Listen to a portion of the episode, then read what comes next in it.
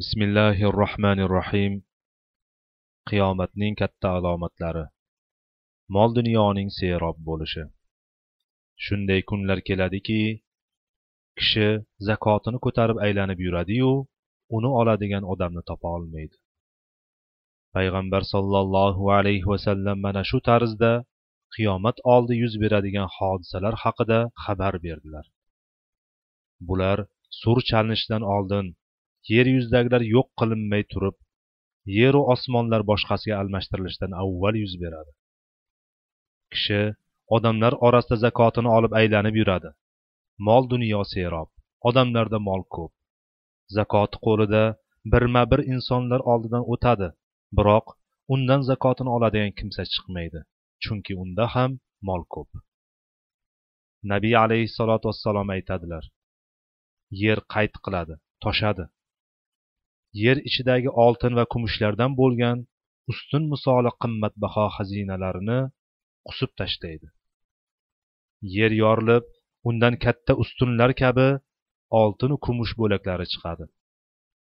Odamlar orasida mol ko'payadi. Nabiy sollallohu alayhi vasallam ilk payg'ambar etib jo'natilgan paytlarda o'zlariyu sahobalari qiyin ahvolda edilar. Oysha roziyallohu anho aytadilar allohga qasamki biz oy ketidan yangi oy ko'rardik. Ya'ni ikki oy o'tib ketardi. Rasululloh sollallohu alayhi vasallam xonadonida olov yoqilmasdi. U zot vafot etganlarida sovutlari bir yahudiyda garovda qolgandi.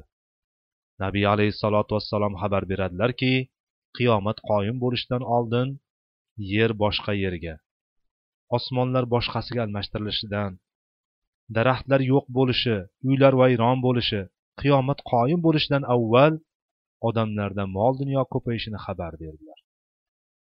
Nabiy alayhissalotu vassalom adi ibn xotim roziyallohu anhu bilan o'tirib qoldilar. O'shanda adi nasroniy edi. Nabiy sollallohu alayhi vasallam hoildagi toy tog'lariga qo'shin safarbar qilgan edilar. Adi shomga nasroniylar yoniga qochdi. So'ngra ma'lum vaqt o'tgandan keyin shomdan kelib nabiy alayhissalotu vassalom huzurlariga kirdi. Nabiy sollallohu alayhi vasallam uni xush kutib oldilar va u bilan birga uylariga bordilar.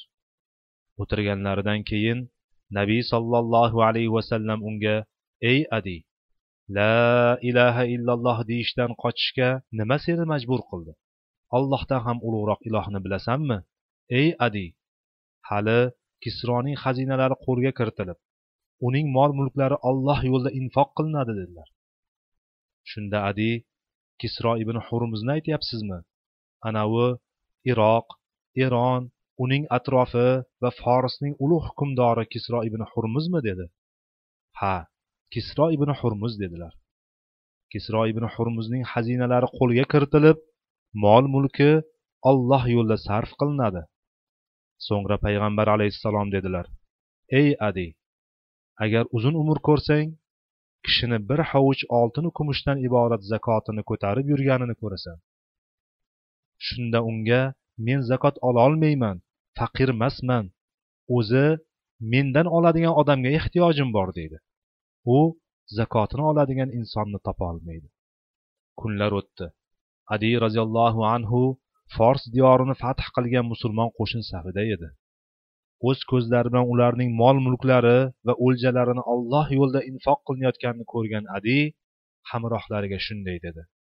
Allohga qasamki agar uzun umr ko'rsangiz vallohi payg'ambar alayhissalotu vassalom xabar bergan narsani kishini zakotini olib aylanib yurganini albatta ko'rasizlar. Aytilishicha bu voqea umar roziyallohu anhu zamonida. Ya'ni umar ibn abdul aziz davrida odamlar orasida mol ko'payganda yuz bergan edi. Chunki umar roziyallohu anhu o'g'irlamasdi o'g'irlamasdi.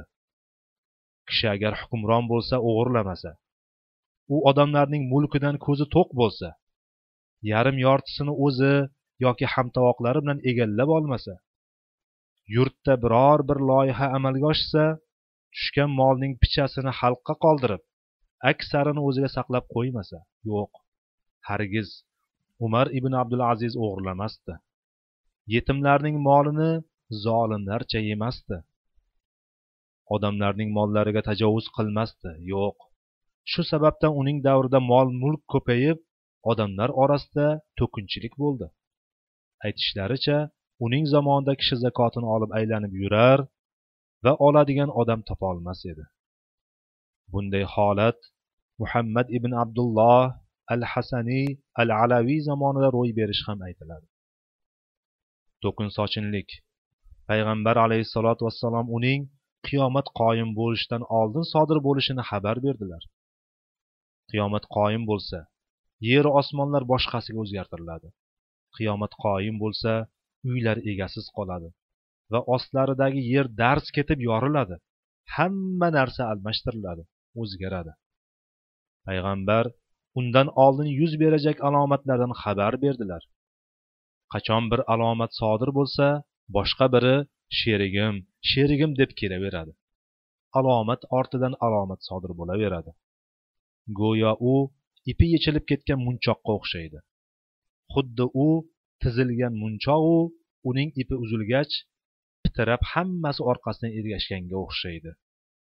Payg'ambar alayhissalotu vassalomning odamlar o'rtasida mol davlat ko'payadi va kishi zakotini olib aylanib yurib uni oladigan biror kishi topolmaydi degan so'zlari haqida aytiladiki bu holat muhammad ibn abdulloh al hasaniy al alaviy al mahdiy zamonida yuz berar ekan. Nabiy alayhissalotu vassalom xalifa bo'ladiki mol dunyoni sochadi. Uni hisoblab o'tirmaydi. Uning oldida oltin kumush va boshqa mollar bo'ladi. Agar biror kishi uning oldiga pul so'rab kelsa unga pulni o'lchab bermaydi. Mana o'n mana yigirma deb hisoblamaydi. Yo'q mol dunyo juda ko'p bo'ladi dedilarki molni sochib tarqatadi. Hovuchiga olib mol dunyoning ko'pligidan odamlarga uni sanamasdan beradi va u odamlar orasida kim mol dunyo istaydi deb aylanib yuradi. Lekin birortani topmaydi. Bir kishi uning yoniga o'sha solih xalifa muhammad ibn abdulloh al hasaniy al alaviy yoniga kelib undan mol dunyo so'raydi. Shunda u istaganingcha ol deydi. Haligi kishi yopinchisini to'shaydi. Yopinchisini yechib yerga to'shaydi. Keyin unga molni sola boshlaydi. So'ngra uni bog'lab ko'tararkan yelkasiga orqalarkan o'ziga o'zi buni nima keragi bor? Bu molga nima ehtiyojim bor? deydi. Nima uchun? Odamlar orasidan faqat men bu molni olar ekanman deb uni yerga qo'yadi. Shunda mahdiy unga buni olasan. Allohga qasamki biz odamlarga bergan narsamizni qaytarib olmaymiz deydi. Keyin u molni o'ziga olib ketadi. Mol dunyoning mo'l ko'l bo'lib ko'payishi qiyomat qoyim bo'lishi yaqin qolganining alomatlaridan biri bo'lib uning ortidan odamlar orasida savdo sotiq keng tus olishi kelib chiqadi. Nabiy alayhissalotu vassalom dedilar bozorlar o'zaro yaqinlashadi. Bozorlar bir biriga yaqinlashib ularda savdo mollari ko'payadi. Odamlar orasida bozorlar ko'payadi. Shaharda bitta bozor bo'lish o'rniga o'nlarcha yoki yuzlarcha bozorlar bo'ladi. Bu esa mol dunyoning serob bo'lishi va odamlar o'rtasida uning ko'payishi jumlasidan hamda qiyomat alomatlaridan bir alomatdir. Mol dunyoning serob bo'lishi ortidan tijoratlarning turli tuman bo'lishi kelib chiqadi. Nabiy alayhissalotu vassalom dedilar xotin eriga tijoratda sherik bo'ladi. Er tijorat qiladi va xotini ham u bilan birga tijorat qiladi. Bu narsa yuz berdi. Agar tijoratchilarning holatiga nazar solsangiz ilgari tijoratchilar faqat erkak bo'lganini ko'rasiz. Erkaklargina tijorat yurgizganlar. Lekin oxir zamonga kelib ular bilan ayollar ham ishlaydigan bo'ldi. Bu internet orqali bo'lsin yoki sputnik telefon tarmoqlari bilan bo'lsin yoki magazin va shirkatlar orqali bo'lsin xullas ayol kishi tijoratda eriga sherikka aylandi. Mol dunyoning keng tarqalishi va ko'payishi agar mol dunyo keng yoyilsa insonga undagi bir necha haqlar vojib bo'ladi ulardan birinchi zakotini chiqarish. Yana unga odamlarga sadaqa va ehson qilish kiradi. Alloh taolo aytadiki olloh senga ehson qilgani kabi sen ham infoq ehson qil. Yerda buzg'unchilik qilishga urinma. Mol dunyoning mo'l ko'l bo'lishi natijasida odamlar kim o'zarga bino quradilar? Insonning moli ko'payar ekan boyligini ko'z ko'z qilishga urinadi. Bitta uyi bo'lsa-da undan ortig'iga ega bo'lishni xohlaydi. Bitta qasri borligi yetmaganday uni boshqalarnikidan baland bo'lishini istaydi. Bu holat hatto makka va madinaga ham yetib boradi. Payg'ambar alayhissalotu vassalom haramdan chiqdilar va ba'zi ashoblariga qarab shunday dedilar. Ey falonchi agar ko'rsang agar makka binolari uning tog'lariga tenglashganini ko'rsang bilginki bu ish juda yaqindir.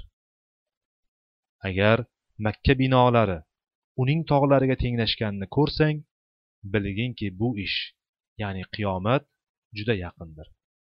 Payg'ambar alayhissalotu vassalom qiyomat alomatlari haqida so'ralganlarida cho'ri o'zining xo'jayinini tug'ishi va o'zlari yalang oyoq yalang'och muhtojlarni ko'rasiz dedilar. Aslida ular sahroda qo'ylari va tuyalari bilan yashab ulardan uzoq bo'lishgayu chodir uylarini tashlab ketishga ko'zlari qiymaydigan nari borsa o'sha chodirlarining ustunlarinigina bazo'r uzun qila oladiganlar o'zlari yalang oyoq yalang'och muhtoj bo'lgan qo'y boqarlar riyo uchun bino qurayotganini ko'rasiz dedilar. Yarim kilometr bino qurgani ortidan yana undanda baland qilishni xohlagani yetmaganday mol dunyoning mo'lligidan kim o'zarga bino quradilar? Odamlar orasida payg'ambar alayhissalotu vassalom xabar berganlaridek mol dunyo keng tarqaladi va ularning qo'llarida ko'payadi. O'shanda undagi dilxushlik ya'ni uni oyoq osti qilish boshlanadi. Keyin qiyomatning katta alomatlari chiqishni boshlaydi. Payg'ambar alayhissalotu vassalom dajjol din susayib ilm ozaygan paytda chiqadi dedilar. Odamlar ilmni qo'yib tijoratlari bilan mashg'ul bo'ladilar. Va dinlarda sobit qadam bo'lish o'rniga maishatlari bilan band bo'ladilar. Din susayib ilm ozaygan paytda dedilar. Agar mol dunyo ko'paysa odamlar fitnalanadi. Va ularni gunoh ishlariga kirishlariga sabab bo'ladi. Payg'ambar alayhissalotu vassalom o'shanda kishi mo'min bo'lib tong ottirib kechga borib kofirga aylanadi. Va mo'min bo'lib kech kirgazib kofir holda tong ottiradi. Dunyo matosi evaziga dinini sotib yuboradi dedilar. So'ngra payg'ambar alayhissalotu vassalom agar o'shani ko'rsangiz dajjolni kutinglar dedilar. Sallallohu alayhi vasallam. Odamlar orasida mol dunyo keng yoyiladi. Natijada ular namozlardan chalg'iydilar ibodatlardan uzoqlashadilar. Kishi rohat baxsh narsalarning turli tumanlariga yo'liqib boshlaydi. Ana o'shanda ularda ilm ozayib din susayadi dajjol chiqib ularni o'zini kutib turgan va ergashishga tayyor holatda topadi. Dajjol chiqqanda odamlar mol dunyoga oltinu kumushlarga bog'lanib qolgan bo'ladilar. Dajjol anavi huzurlarida mol dunyo mo'l ko'l bo'lgan odamlarni xaroba yerga boshlab boradi va yerga xazinalaringni chiqar desa xazinalar chiqib ortidan boradi. Aslida mol dunyoga o'rganib qolgan odamlar uning oldidagi bu xazinalarni ko'radilar. Shunda dajjol ularga qarab men robbingiz emasmanmi? deydi. Sizlar mol dunyoni yaxshi ko'rasiz. Mana orangizda mol serob. Men xaroba yerga buyursam xazinalarini chiqaryapti. Shunday ekan sizning robbingiz emasmanmi? deydi. Shunda odamlar unga ergashadi. Agar mol dunyo ko'paysa bu nabiy sollallohu alayhi vasallam xabar bergan narsaga olib boradi. Bu narsa odamlar orasida bir birini tanimaslik kelib chiqishidir. Bir birini tanimaslik bir inson boshqa birini tanimaslikka yetib boradi. Moli imorati bolasi molini hisoblash va saqlash bilan ovora bo'lib opasiyu akasi bilan aloqa bog'lashni unutadi. Singlisiyu ukasiga siylay rahmni esdan chiqaradi. Gohida opasining o'g'lini ko'radiyu uni tanimaydi. U siz tog'amsiz desa ham uni tanimaydi. Odamlar orasiga payg'ambar alayhissalotu vassalom aytganlaridek bir birini tanimaslik tushadi. Xuddi payg'ambar alayhissalotu vassalom ta'bir qilganlaridek yechilib ketgan munchoq kabi. Har bir narsa boshlanib o'zidan keyingisini qo'shib oladi. Odamlar mol dunyo jamg'arish bilan band bo'lganda oralarida bir birlarini tanimaslik paydo bo'ladi. Nabiy sollallohu alayhi vasallam yana xabar berdilar.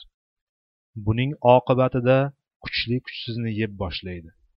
Kishi molni qayerdan olganiga haloldan oldimi haromdanmi e'tibor bermay qo'yadi. Mol dunyo keng tarqalib ko'payganidan uni faqat moli falonchi va pismadonchining molidan ko'p bo'lganigina qiziqtiradi. Qolgani esa u haloldan keldimi yoki haromdanmi unga farqi yo'q. Kishi oldidagi molni ko'paytirish yo'lida bunga qayrilib ham qaramaydi. Bu alomatlarni nabiy sollallohu alayhi vasallam xabar berdilar. Lekin bu har bir kishida bo'ladi degani emas balki odamlarning aksariyatida kuzatiladi deganidir. Biroq ularning orasida mo'minlar ham bo'ladi. Ularning oldida fitnalar ko'payib ularni unga tortayotganlarni ko'rganlarida fitnalanadilar. Lekin ularda robbilariga yo'liqqunlariga davr uni tutib turadigan iymon bo'ladi.